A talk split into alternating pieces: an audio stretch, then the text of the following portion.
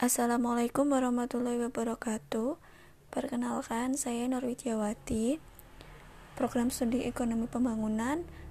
Saya akan membacakan tugas dari tugas 7 tentang demokrasi desa, tentang penyimpangan terhadap prinsip-prinsip demokrasi desa. Dengan judul Perempuan dan Budaya Patriarki dalam Politik. Studi kasus kegagalan caleg perempuan dalam pemilu legislatif 2014. Nah, di dalam berita itu atau jurnal itu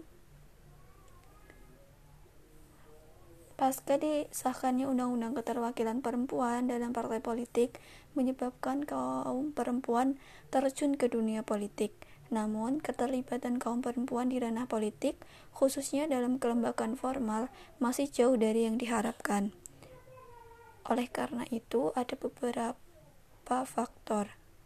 Yang pertama adalah faktor budaya patriarki, dan yang kedua faktor budaya dari partai politik, ketiga yaitu media, keempat yaitu tidak adanya jaringan antara organisasi massa, LSM, dan partai-partai politik untuk memperjuangkan representasi perempuan.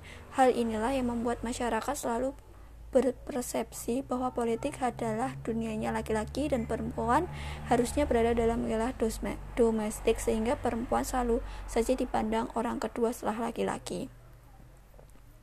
Nah, itu adalah masalah itu adalah masalahnya. Sekian dari saya. Wassalamualaikum warahmatullahi wabarakatuh.